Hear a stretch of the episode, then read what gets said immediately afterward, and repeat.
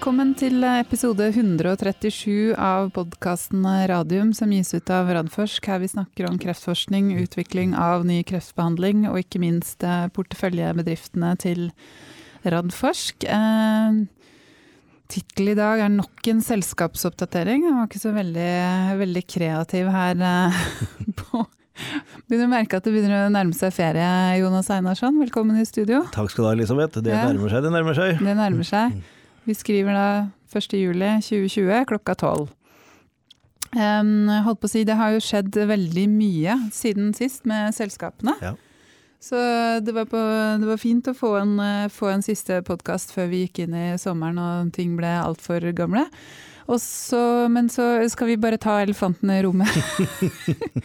skal vi bare ta den elefanten i rommet med en gang, som heter hvor- PCI Biotech. Hvor er Per og Ronny? Ja, ikke sant. Men det er jo sånn at de har blitt invitert. Ja. Men dersom det, det kommer til å skje noe, for det er jo ikke noe vits å ha de i studio for å si at de ikke kan si noen ting. Neida, det, er- det er ikke det. Uh, nei, altså de, eh, de har jo PCI har jo sagt at de hadde, hadde gitt seg og AstraZeneca seks måneder på å bli enige om hvordan samarbeidet videre skulle være. De har jo ikke sagt noe om, om uh, hva det skal innebære. Og den eh, fristen gikk jo for så vidt ut ved midnatt eh, i går, så de er vel nøyaktig tolv timer på overtid. Og i biotech-verden så er tolv timer relativt eh, lite. Ja. Hvis forhandlingene hadde brutt sammen, så hadde de vært forplikta til å si fra om det. Så det kan, mener i hvert fall jeg, at vi kan gå ut ifra at det ikke har øh, gjort. Og så får vi se hvor, hvor lang tid det tar før de sier noe. Eh, Jeg er helt sikker på at de har god kontakt med, med Oslo Børs. Det ville i hvert fall jeg gjort, med, med overvåkningsavdelingen der. Markedsovervåkninga, og, og forsikra oss om at eh, det var riktig måte å gjøre det på, og at ikke noen ting lekker ut, og, og hvordan man skal eh, håndtere det. Så de det isklumpene i magen begynner jo å smelte litt, da. Men, eh, men vi må jo bare følge med og se eh, når det kommer noe. Og så fort de har noe å si, så, så kommer det. Så de holder oss nå litt på pinebenken, men jeg er helt sikker på at de, de gjør så godt de kan med å få dette ferdig og kunne meddele hva resultatet blir. Ja, og, og jeg, jeg holdt på å si jeg, du og jeg har fått en del mail om dette her. Det og, si. Og vi har jo også vært i, i, um, i korrespondanse med, med Ronny Skuggedal, som er finansdirektør i PCI Biotech, eh, og han får definitivt mail og SMS og telefoner.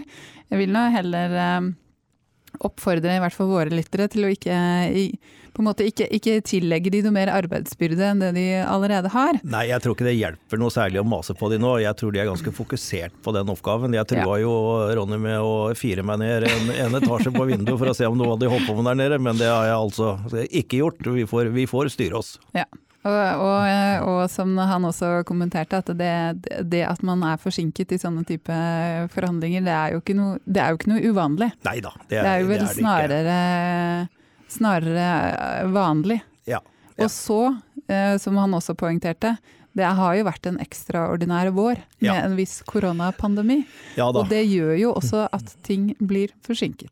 Det, det er helt riktig, og, og, og det, det, det ser vi jo. eh, At eh, det, det betyr ikke at ting stopper opp, men det er noe med når man må kjøre alle, alle møter og konferanser virtuelt og ikke kan sitte ned rundt bordet og, og løse ting, så blir det litt mer at man må sende ting litt fram og tilbake. Så at det oppstår noen forsinkelser nå, det, det er ikke mer enn det man kunne, kunne forventa. Så, så det er vel no news is good news. inntil- Ja, jeg også er litt der. Ikke, ingen nyheter er gode nyheter. Og så skal vi love at vi selvfølgelig skal ha både Ronny og Per som gjester eh, når vi er tilbake etter sommerferien. Ja, Men nå, for nå må vi ta sommerferie. Nå må vi ta sommerferie. Man blir ikke, blir ikke noe dyktig arbeider i lengden uten litt ferie. Men eh, det har skjedd andre ting. Jeg tenker at vi kan begynne med, med Photocure. Ja. De har jo da siden sist, når vi hadde vår halvtårsoppdatering og, og snakket så varmt om at uh, selskapene totalt hadde hentet inn 450 millioner, så klinka de til en emisjon på 190 millioner. Ja da. Ja. Det viser jo at uh, vinduet er fortsatt åpent, og at interessen fra investorene er der. Og, mm. og de fikk jo en, en kraftig overtegning, og, og de var mye av dagens aksjonærer også som, som tegna seg i, i den eh, emisjonen. eh, og jeg syns jo dette såkalte use of proceeds, altså hva skal vi bruke penga til, Ja. eh, forklaringen deres er, eh, er bra og, og riktig. Jeg mener jo bestemt at det er riktig å satse i land som Storbritannia og, og andre land i Europa som Ibsen jo har latt ligge brakk. Mm. Eh, og det er klart at i de landa hvor det går bra for Fotokur, eller Ibsen har gjort det bra, der vil det jo fortsette å komme inn med, med revenues eh, som de vil få inntekter på. Men eh, de må starte litt på scratch i land som England, selv om det der jo er sånn, hvis jeg husker riktig, at det faktisk er veldig mange skop utplassert der. Sånn at det, det, de kanskje slipper da den initielle investeringen. Men du må, jo, du må jo bemanne opp, og du må satse litt uh, før eh, inntektene kommer. Så det å ha penger til å, å kjøre den satsingen, det, det syns jeg er riktig. Så, så jeg syns dette styrker caset uh, enda litt til. Mm. Så bra. Men nå investerer de for å på en måte få, få, få ut potensialet raskere enn det de ville gjort hvis ikke de hadde hatt uh, Ja, de, de finansielle midlene nå. ja. Eh, og, og det er litt sånn som de eh, har gjort i, i USA. Mm. Så i, i land som England så ble jo det å på en måte starte sånn som de gjorde i USA, og vi så jo at det tok jo tid å bygge opp i USA. Så, så det er ikke sånn at det, det blir et sånt helt frislipp av inntekter umiddelbart. Det, det er et tidkrevende arbeid, det må vi alltid huske på. Det å få, få Sysview ut på markedet, som Dan Schneider har vært veldig tydelig på å forklare, så, så er det en tidkrevende prosess. Eh, og, og det skal mye jobbing til før du får gira det, gira det opp. Så, så det blir jo spennende å, å se eh, når, når dette kommer. Eh, ABG tok opp dekning i, av Fotokur i dag. Mm. Jeg fikk bare så vidt sett det før vi- gikk i, i studio, men jeg mener bestemt at de hadde satt en kursmål på 120 kroner. Mm. Som var en oppside på ca. 70% fra de skrev fra de skrev eh, analysen. Litt mindre nå, siden den, faktisk har gått litt, eh, litt opp i dag. Men, men det viser jo at også de, de tror at det er et eh, solid case Mm. i, i Fotokur. Så dette syns jeg er, er positivt. Mm. Ja, for nå ligger de på 72. Ja. ja. Jeg måtte bare gå inn på appen og sjekke. nå fikk vi det real, real time. Det er, ikke, det er ikke alltid vi får til det. Nei, men Det blir spennende å følge de, og så tenker jeg at her også må man jo se at eh, ting vil ta lengre tid pga. korona. Jeg tror at Ja. det vi kanskje glemmer litt nå i Norge, for vi er nesten sånn tilbake til normalen på mange måter, er at andre land er ikke det. Nei, det er, det er Andre land har helt andre restriksjoner i forhold til hvordan de kan bevege seg rundt og operere. Det, det, er, det er riktig. Eh, Nå, nå, og spesielt i USA nå er jo fryktelig usikkert hvordan det, det bærer i vei der. Eh, Men det er nok eh, sånn eh, også i USA at for den type sykehus og den type miljøer som, som Fotokur henvender seg til, så er det nok på vei tilbake til normalen. Og det er nok helt andre deler av befolkningen og deler av landet som får svi for, for den, den oppsvinget vi ser Mm. i USA nå. Så, så vi vet ikke, men, men jeg skjønte vel hvis jeg forsto de riktig når de kommuniserte denne emisjonen, at de allerede hadde sett at det begynte å ta seg opp igjen de siste ukene før, eh, før de satte den i satte, gjennomførte emisjonen. Ja. Men jeg tenker også sånn i Storbritannia har jo også vært hardt eh, rammet Ja. og hatt strenge restriksjoner i forhold til hva man kan gjøre. Og i hvert fall hvis man opprettholder besøksforbud til sykehusene og sånt nå, så er det jo vanskelig å Ja, så Hvis statsrepresentantene ikke slipper inn på sykehuset, så er det vanskelig å få, få i gang dette. Ja. Så, så vi, vi er nok står foran fortsatt usikre tider, Ja. men, men sånn alt i alt så tror jeg de kommer til å komme klare det, de målsettingene de har satt seg. Mm. Absolutt. Eh, vi kan gå videre. Eh, Seluna Immunotherapy, vi snakket også om de i forrige podkast. Men de også sendte jo da ut en melding eh, rett etterpå. De har da inngått et samarbeid med et selskap som heter Lion TCR. Mm um, som holder til i Singapore. Uh, og det de skal gjøre sammen der, er vel å utvikle en sånn TCR-NK-behandling mot kreft som har oppstått av virusinfeksjon. Ja. Og særlig da uh, se på hepatitt B, som Ja. forårsaker leverkreft. Ja. Og da, hvis jeg har skjønt dette riktig, så er det da dette Lion TCR har da TCR-er som, mm -hmm. som da kan brukes til nettopp denne, denne krefttypen. Eh, Så, sånn at Celunas eh, core technology her blir jo at de er i stand til å koble disse TCR-ene til de riktige NK-cellene. og Vi snakket om det forrige at de har nå avtaler med, med selskap som har sånn type NK-celler. Og så blir liksom Selunas jobb å, å hente inn TCR-er derfra, NK-er derfra, sine egne TCR-er, koble det sammen og gjøre det til en, til en medisin og en behandling. Så det, det er et veldig, veldig spennende løp de, de legger opp til. Mm. Veldig, veldig spennende. Og vi, vi ser frem til å ha, ha Namir Hassan som leder selskapet i podkasten til høsten. Ja. For da kan han, eh, han er based in London, så da kan han forhåpentligvis ja. eh, komme seg hit. Fordi eh, Seluna har jo kontorer her i, i parken. Ja. Eller så får vi ta han på telefon. Eh, og så er det jo da Targovax. Eh, de fortsetter å melde om eh, forskningssamarbeid. Eh, denne gangen med et helt nytt selskap. Et svensk eh, selskap som ikke jeg hadde hørt om eh, tidligere. Oblique Therapeutics. Eh, hvor de da skal kombinere sin egen plattform, altså på Onkos, de onkolytiske virusene, med det svenske selskapet sin plattform som heter Abiprot. Som, som er antistoffer, så vidt jeg skjønte. En plattformteknologi for antistoffer.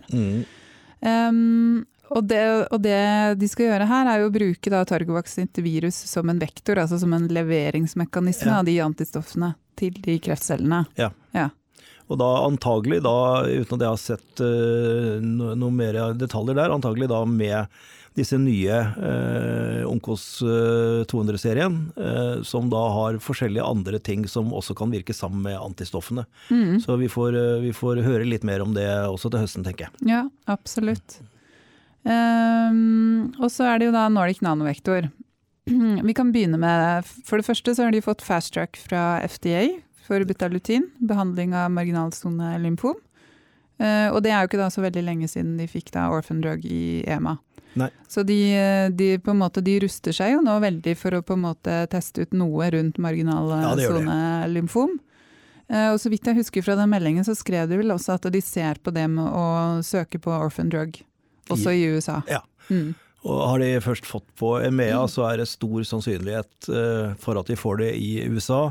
Da litt avhengig av hvor mange som får det, rett og slett i, i forhold til, eh, til folketall og sånn. Eh, Jeg har ikke sett nærmere på de tallene, men det er, som regel er det at hvis du får det i ett sted, så USA eller Europa, så får du det det andre stedet. Det Ja, er, de er ganske sjelden- samsnakka. Sånn. ja, det er sjelden det er, eh, så vidt jeg vet i hvert fall, at det er orphan drug på, i ett et av kontinentene og ikke det, ikke det andre. Så det tror jeg de har en fair sjanse til å få. Så det er ingen tvil om at de, de som du sier, de, de rigger seg til for å, for å gjøre noe der. Ja, så det blir spennende å se hva de gjør og når de gjør det. Ja. Ja, For nå er jo fokuset på paradigme. Ja. Eh, og det var jo det andre de sendte ut melding på nå. At de har fått tilbakemelding fra, fra FDA, om at, og de har fått da go for å endre protokollen. Så Ja. det er jo veldig godt nytt. Ja. For da kan de utvide antall pasienter og forhåpentligvis eh, øke farten på rekrutteringen ja. inn til studien. Em, kan ikke du si litt om hvordan de har eh, utvidet den inklusjonskriteriene sine der? Ja, det, de, det de har gjort, er at de har egentlig fjernet et eksklusjonskriterium. Eh, For tidligere så var det sånn at pasienter som hadde gjennomgått stamcelletransplantasjon, behandling, og det er jo en, en veldig alvorlig og, og stor, vanskelig behandling med, med bivirkninger og til og med med noen dødsfall av den. Men eh, jeg tror det mer og mer nå blir en litt mer sånn sistelinje standard of care-behandling eh, rundt omkring. Hva går det ut på? Det, det, går, det, det går ut på eh, at du, du, du slår ut eh, absolutt alt immunforsvar i, i pasienten. Altså du, du dreper omtrent alt som er av immunforsvar, og dermed dreper alle kreftceller. Mm. Og når du har gjort det, så, så setter du da inn nye, friske celler. Dette er B-celler da, først og fremst. Eh, og, og som da skal vokse opp med å være friske, friske kloner. Eh, Men du, og ulempen med dette, eller faren med det, er jo dette vi kaller for sånn eh, Sånn Altså at den pasienten som får disse fremmede cellene inn, reagerer på det. Graft versus host. Ja, Eh, selv, ikke selv. Ja. Mm. Eh, og, og da får disse voldsomme bivirkningene. Unngår man de, så, så går det som regel bra. Og dette er jo en, som regel da en behandling som i stor grad er vellykka, i form av at pasienten da blir kreftfri. eh, Og kan da ha har en kortere eller lengre periode hvor han, han eller hun er frisk. Eh, Men når de da får tilbakefall, så er det ikke noe mer behandling igjen. Nei. Og da er det Tidligere så har de da ikke tatt de pasientene som har vært gjennom den behandlingen, inn, inn i studien. Men nå sier de at hvis de har eh, Det er ikke finlest på det, men jeg går ut fra at de gjør det sånn at hvis man har hatt en god respons og en, en periode som frisk, sånn at man i utgangspunktet har, er relativt, relativt frisk, men har fått et tilbakefall, da kan man nå, nå gå inn med, med betalutin. Så det åpner jo for, jeg vet ikke hvor mange, men det åpner jo for, en, for mye nye, mange nye pasienter da, som kan komme inn. Mhm. Eh, absolutt. Sånn som jeg skjønner, så er det da Eller de skriver det i, i meldinga, at det er spesielt vanlig eh, å utføre trans, eh, altså stamcelletransplantasjon i Storbritannia, Italia, Tyrkia, Israel, Spania. Ja. Mhm. Eh, sånn at uh, vi, vi får jo bare vente og se. Altså det, det er en ganske omfattende eh, omfattende arbeid som står foran de, for nå skal de jo ja. søke om godkjenning for denne utvidelsen i de 25 landene som studiene går. Ja. Så det er ganske sånn byråkratisk, men det må til. Ja, det det, er, det, er, det er et amendment, et tillegg til protokollen, som skal godkjennes. Så det er, ikke, det er altså ikke en helt ny prosess, med, med, for protokollen er der. Mm. Og det amendmentet er at disse pasientene også skal få lov til å komme inn. Ja. Sånn at det, og når det da er godkjent av og anbefalt av FDA, så bør det kunne være relativt grei skuring Ja. å få til. Men det er den byråkratiske tiden det tar. For fra du sender inn et amendment, så er det x antall dager i forskjellige land til du får svar. Og så, så skal da sitene være opp, oppgradert på dette og være klare til å ta imot disse pasientene. Og så ikke minst må legene være enig i at ja, det er riktig at disse pasientene kommer inn. Så de, de må også ha hatt veldig god kontakt med key opinion leaders, som har sagt at det er riktig at disse pasientene også får, får betalutin. Eh, Og hvor, hvor kjapt det løser seg, det er veldig vanskelig å si. Så tidslinja er, er fortsatt usikker her. Men, men, men for all del, det er jo veldig positivt at de, Veldig at de fikk det til. Ja. Og det, og det, sier, det skriver de også i den eh, pressemeldingen, børsmeldingen, at det, at det er for tidlig for de å komme med en oppdatert tidsplan nå i forhold Ja. til paradigme. De, de må se an, Ja. rett og slett, hvor lang tid eh, ting tar. Og, og igjen, hvor lang tid eh, ting tar nå, i, nå i, midt i en pandemi. Ja. Det er, gjør ikke ting enklere Nei, det sånn gjør det på ikke. kommunikasjonsfronten på det, på det nivået. Um, PCI har vi snakket om, det tok vi, tok vi med en, eh, gang. Uh, og vi har fått inn noen spørsmål om, om eh, PCI, men de tror jeg egentlig vi uh, det, det, det er ikke så veldig mye mer å si. Nei, jeg tror ikke vi kan, kan eh, si noe, noe mer eh, om det. Det er eh, det vå- vå- våen i hangende snøre, som Nils Arne Eggen sa. Men jeg, jeg holder fast ved det jeg sa, at så lenge vi ikke har hørt noe nå, og de tydeligvis jobber videre, så, så er jeg fortsatt optimistisk til at det kommer noe positivt ut av dette. Ja, for det, En lytter skriver her hvis det ikke er noe å melde, kunne det jo blitt meldt at partene trenger noe mer tid. Men en sånn type melding åpner jo opp for mye spekulasjoner også, da. Ja, hva, hva skal de si da? Sette en ny tidsfrist på en uke eller 14 dager eller en måned? Eller det, det blir helt umulig å ja, den er tricky, den der, altså. Så det er igjen eh, er vel litt, litt sånn eh, lærdom av dette her, er, er å si eh, at eh, vi har eh, satt en tidsfrist for å på en måte bli ferdig med forhandlingene ut, mm. ut juni, og så vil den endelige avtalen foreligge Hvis det ikke blir en avtale, så melder vi det innen 30. juni. Og hvis ikke så vil den endelige avtalen foreligge straks man har fått unnagjort alle formalia. Litt, litt mer sånn rundt litt, på det. Litt rundt. Ja, jo, fordi at det er sånn den verden her er. At Ja. det, å, det å guide på, på bestemte datoer Det er vanskelig. Uh, Ja, det er vanskelig, og vi, vi ser jo at de aller fleste selskapene nå, når de guider første inklusjon og andre ting, så, så prøver vi å bevege oss mer i, i å guide på halvår enn på kvartaler som vi gjorde tidligere. Fordi det blir så mye forventningsoppbygging, og så tar det litt mer tid, og så får du en masse kurssvingninger på forventninger og, og, og utsettelser. Så, så jeg tror vi skal være, være forsiktige med, med å være konkrete på guiding på, på den type ting. fordi det er så mange faktorer som spiller inn når slike ting skal, skal fullføres. Det, og det er flere avdelinger involvert i, i disse store selskapene, og de er ikke alltid like samkjørt. Så eh, jeg nevnte, nevnte jo det at den eh, Ultimovax-avtalen med den undisclosed, det ene og det andre, eh, det var eh, fra vi gikk ut og sa at dette blir noe av. Eh, Så var det gått to år siden, eh, siden eh, Jens Bjørheim, medisinsk direktør der, ble kontaktet av det selskapet. Så mm. Ting tar tid. Ja, og vi, vi trodde kanskje at vi skulle få det to-tre måneder før det kom, og så kom det en liten hiccup, og så løste vi den, og så Ja, sånn er denne verden. Ja. Men uh, vi har en uh, annen lytter som har s- sendt oss en del spørsmål. Jeg tenker Skal vi bare ta de? De går på litt andre typer Ja. ting.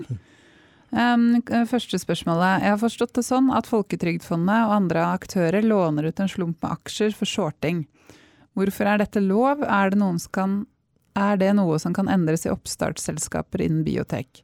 Sånn jeg forstår det, kommer det da et salgspress på aksjen, aksjeprisen blir lavere, og da vil selskapet kunne få inn mindre penger i en emisjon, som igjen fører til større utvanning og større pengemangel, som igjen fører til at investorer velger andre aksjer. Dette er mitt inntrykk og forståelse, stemmer det? Det stemmer at eh, shorting er en utfordring for uh, biotek-aksjene. Eh, og det er en del av det. Eh, det er nok ikke sånn at man kan lage noen egne regler for disse, for, for det, reglene gjelder for, eh, for markedsplassen. Så hvis det er lov å shorte på Oslo Børs, så kan du gjøre det uansett hvilket uh, selskap det er. Uh, Men spesielt for våre selskaper som jo lever fra emisjon til emisjon, eh, så er dette en utfordring. Og det har jeg kommentert tidligere, at jeg syns det er lite aksjonærvennlig og lite selskapsvennlig å låne ut eh, aksjer til eh, shorting. Så det er jeg per altså jeg er prinsipiell motstander av, og, og Radforsk får stadig spørsmål om det, og vi svarer konsekvent nei, fordi vi mener det ikke er riktig for våre andre aksjonærer og for, for selskapet. Eh, Så det er jo som min, generelle oppfordring, er at hvis man ønsker at det selskapet man har investert i skal utvikle seg best mulig, og alle er jo interessert i høyest mulig kurs når man gjør emisjoner, så syns jeg det er en uheldig praksis. Og jeg har jo tidligere også oppfordret de som gjør det, til ikke å gjøre det i, i denne type selskaper. Men er det noe man kan gjøre da fra altså Oslo Børs sin side for å regulere det på en annen type måte, i og med at det da slår så negativt ut? Det, det kan jeg ikke nok om. Jeg vet at det er gjort noen endringer i forhold til at man må vise fram sine short-posisjoner, men, men dette er helt ukjent terreng for meg, for jeg har aldri, aldri gått inn i det eller, eller gjort det. Eh, Men det er helt klart noe vi tar opp med, med Oslo Børs, og, og, og ser om, eh, om det er eh, mulig å gjøre noe, noe endringer her. Men, men jeg, det er sikkert også internasjonale regler Det var det jeg som skulle slår til inn å si. her. Eller som- stanger man inn i noe sånn konkurransereglement? ja, jeg, jeg, jeg vil tro det, men, men da får vi få en eller annen fra børsen til å kommentere det, for dette, dette er utenfor det jeg kan. Jeg å si det sånn, Hvis noen hadde bedt meg nå forklare hva shorting er, så kunne ikke jeg svart på det heller. Så det, Nei. Det er, det, det, er, nok, nok en måte å vedde, drive med veddemål innenfor uh, i aksjesektoren. Du, jeg skjønner at det er noe man tjener penger på, men Ja akkurat det tekniske det, og, det, og du tjener penger hvis du får pressa ned kursen, og du Ja. vedder på det om å levere tilbake og ja, kompliserte saker. En eh, andre spørsmålet er hvorfor henter ikke Targox inn mer penger når de først gjennomfører en emisjon? Føler pengeusikkerhet i biotekselskaper tynge kursen og hindrer verdiskaping på kort sikt? Er det ikke bedre med én stor emisjon, sånn at aksjeverdien kan øke over lengre tid før eventuelt neste emisjon? Ja, Det er et godt spørsmål, eh, og det er ikke noe enkelt svar på det. Dette er jo ting vi vurderer eh, hele tiden. Én eh, ting er hvilken fullmakt selskapet har til å gjøre en emisjon. Om det er en 10% eller om det er en 20% eller, eller hva de har fått fra generalforsamlingen. Så, for da kan man gjøre en sånn emisjon på veldig kort tid, og også få inn internasjonale investorer. Og det, det det Radforsk ofte gjør, er at vi låner ut aksjer i forbindelse med en sånn emisjon. Men det er bare fordi at de internasjonale investorene de kan ikke gå og vente i 14 dager, tre uker på å få aksjene. De må få de med en gang. Mm. Så da låner vi de ut, og så får vi de tilbake. Uh, uten at vi verken taper eller tjener noen, noe penger på det. Men det må være innenfor denne 10-20% Skal du gå utover den, så må du ha et prospekt. Det er en kjempejobb å gjøre. Og du må ha tid mellom du lanserer og når du closer denne, eh, som er mye lenger. Mens det vi gjør nå er jo ofte at vi, vi sier klokka halv fem at nå gjør vi en emisjon. Vi emisjon. Ja. Og hvis vi har gjort forarbeidet vårt godt nok der, ja. så lukker vi den bare noen timer etterpå. Mm. Og da er det ofte også mye lettere å få det så nærme markedskursen. I Ultimax så gjorde vi jo at market, og i Fotokur nå så gjorde de det med en veldig liten rabatt. Eh, og det, slike rabatter kan bli mye større hvis du kjører mye større emisjoner. Den andre grunnen til at man ikke gjør en sånn la oss nå hente penger så vi har det i de neste fem årene, er jo at da må du kjøre hele den store emisjonen med den utvanningen det gir på kursen i dag. Mens det, det, investorene spør om, er jo hva skal dere bruke disse pengene til, og hvilken verdiøkning vil denne emisjonen gi mm. fram til neste, neste. emisjon. Ja. For da skal de ha sett at de har fått en avkastning på dette, og at utvanningen blir mindre i neste runde. Derfor må du gjøre dette sånn. Trinnvis. Mm. Hvis ikke så ville du kunne gjort en kjempeemisjon. Og, og, fått inn store internasjonale på det, og så ville det blitt en voldsom utvanningseffekt for oss mindre mm. aksjonærer. Så, så det, det, er, men det er et balansespill eh, i, i, dette, og hvor mye man skal hente. og vi, vi, forsøker jo å hente inn det maksimale av det man mener man kan få inn i, i hver runde, men dette er noe man bare må balansere hele tiden. Ja, så er det vel også litt sånn ta og føle på, på markedet. Altså Fotokur har jo hatt nå to ganske tette emisjoner. Ja. Um, og man kunne jo sagt at ja, men de kunne jo satt den emisjonen, første emisjonen mye, mye høyere. Men det er jo et eller annet med at de ikke nødvendigvis kunne vite da, at de skulle bli hva var det for noe, seks ganger overtegna. Som gjør at de nå kanskje på en måte hadde en føler at de igjen kunne hente penger, da. Jeg veit ikke. Jeg snakker om ting jeg kan noe om. det, det viktigste her er at investorene vil høre at de pengene du skal hente, du har en god plan for hva du skal bruke pengene til. Mm. Og så kan du godt si at altså, det hadde vært kjekt å ha 200 millioner til. Men da vil investorene si at ja, men det får du ikke Nei. før vi vet hva du skal bruke pengene til. Så de er veldig, veldig tydelige på det. Og vi, vi, har forsøkt å gå ut tidligere og, og sjekka ut i markedet med sånn større emisjoner som gir mye lengre løpetid for selskapene og sånn. Og da har vi fått kald skulder fra investorene. Mm. Si at nei, du, du, kan få de pengene du trenger til å gjøre det du sier du skal gjøre nå, mm. og så får du komme tilbake når du har bestemt deg for hva du skal gjøre videre. Mm. Og det, det, jeg tror det er det som også skaper, gjør at du får investorer som ønsker å bli i selskapet, fordi de vil gjerne være med også i neste runde og se at de har fått en verdiøkning i mellomtida. Ja, og så tenker jeg dette er jo selskapet hvor ting skjer, um, som vi har snakket om flere ganger, det er jo binært, ikke sant. Og så, ja. og så skjer det jo ting uh, veldig fort, både i positiv og, og, negativ retning. Så det å på en måte legge opp et femårsplan for et biotek, tenker jeg jo seg selv ikke Altså, det, hvem vet hvor man er om fem år? Nei, det, det, det er jo ofte vanskelig å si hva som skjer i neste ja. måned. Det er det, og, og hvilke muligheter som dukker opp. Ja. Sånn at det er, det er nok sånn at vi må vi må hente inn penger når en mulighet kommer og byr seg, mm. som det gjorde med Fotokur med å kjøpe tilbake eh, Ibsen-avtalen. Ja. Så må de snu seg rundt og hente inn penger til det, og så sier de ja, men nå vi, ønsker vi å gjøre virkelig en satsing i Europa, nå har vi kartlagt dette her, nå mener vi mulighetene er det, vi kan gå og forklare investorene det. Og så mm. sier investorene ja, men det er fint. Ja. Det, det, tror vi på, så det ønsker vi å gi penger til. Ultimovax kom med, med, med, sin uh, nye studie. Nå har vi fått Denne studien blir det noe av. Vi får enda en randomisert studie. Er dere villige til å, å investere i det? Og da må vi forklare hvorfor gjør vi den studien. Jo, det er fordi at vi skaffer data som er kjempeviktig for å få en datapakke som skal være god nok etter at den første studien som selskapet selv styrer, mm gir data som er gode nok til eventuelt å feile. Så du må, du må, forklare, du kan ikke bare gå ut og si at nå Hei, vi trenger penger. Hei, vi trenger penger. Hei, send mer penger. så enkelt er det ikke.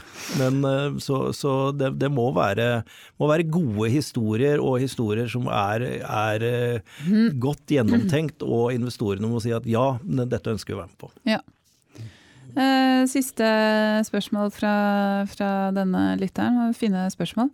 Tror dere noen av de norske biotekselskapene kan bli kjøpt opp på lik linje med Algeta? Om ikke, hva var så spesielt med Algeta kontra f.eks.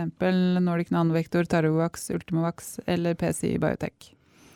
Alle disse selskapene er potensielle oppkjøpskandidater. Og, det, er, det, det, spesielle med Algeta var at det var egentlig først i, i den uh, nye generasjonen av, av norske selskaper. Eh, men eh, alle disse selskapene som er, er eh, nevnt opp av, av, lytteren her, har potensial i seg til både å gjøre en avtale à la det Algeta først gjorde med Bayer, nemlig en, en avtale om en lisens som er upfront og alt dette, og eventuelt bli, bli, kjøpt opp. Så det potensialet er i alle disse selskapene. Så er det ingen grunn til å, å se bort fra at det, det kan komme til å skje. Nei. Den som lever eh, får se. Da tar vi sommerferie. Vi er tilbake 12. august. Yep. Uh, det er litt sånn vemodig at vi skal være tilbake i studio da, fordi da pleier vi egentlig å være i Arendal. Ja. Og ha Arendalsuke, og ha litt mer sånn politiske podkaster der nede fra. Men Arendalsuka er jo avlyst. Det er den.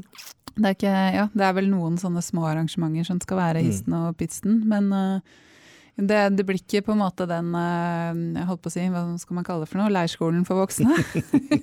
sånn det kan oppleves sånn på både dagtid og kveldstid uh, der nede. Men forhåpentligvis 2021.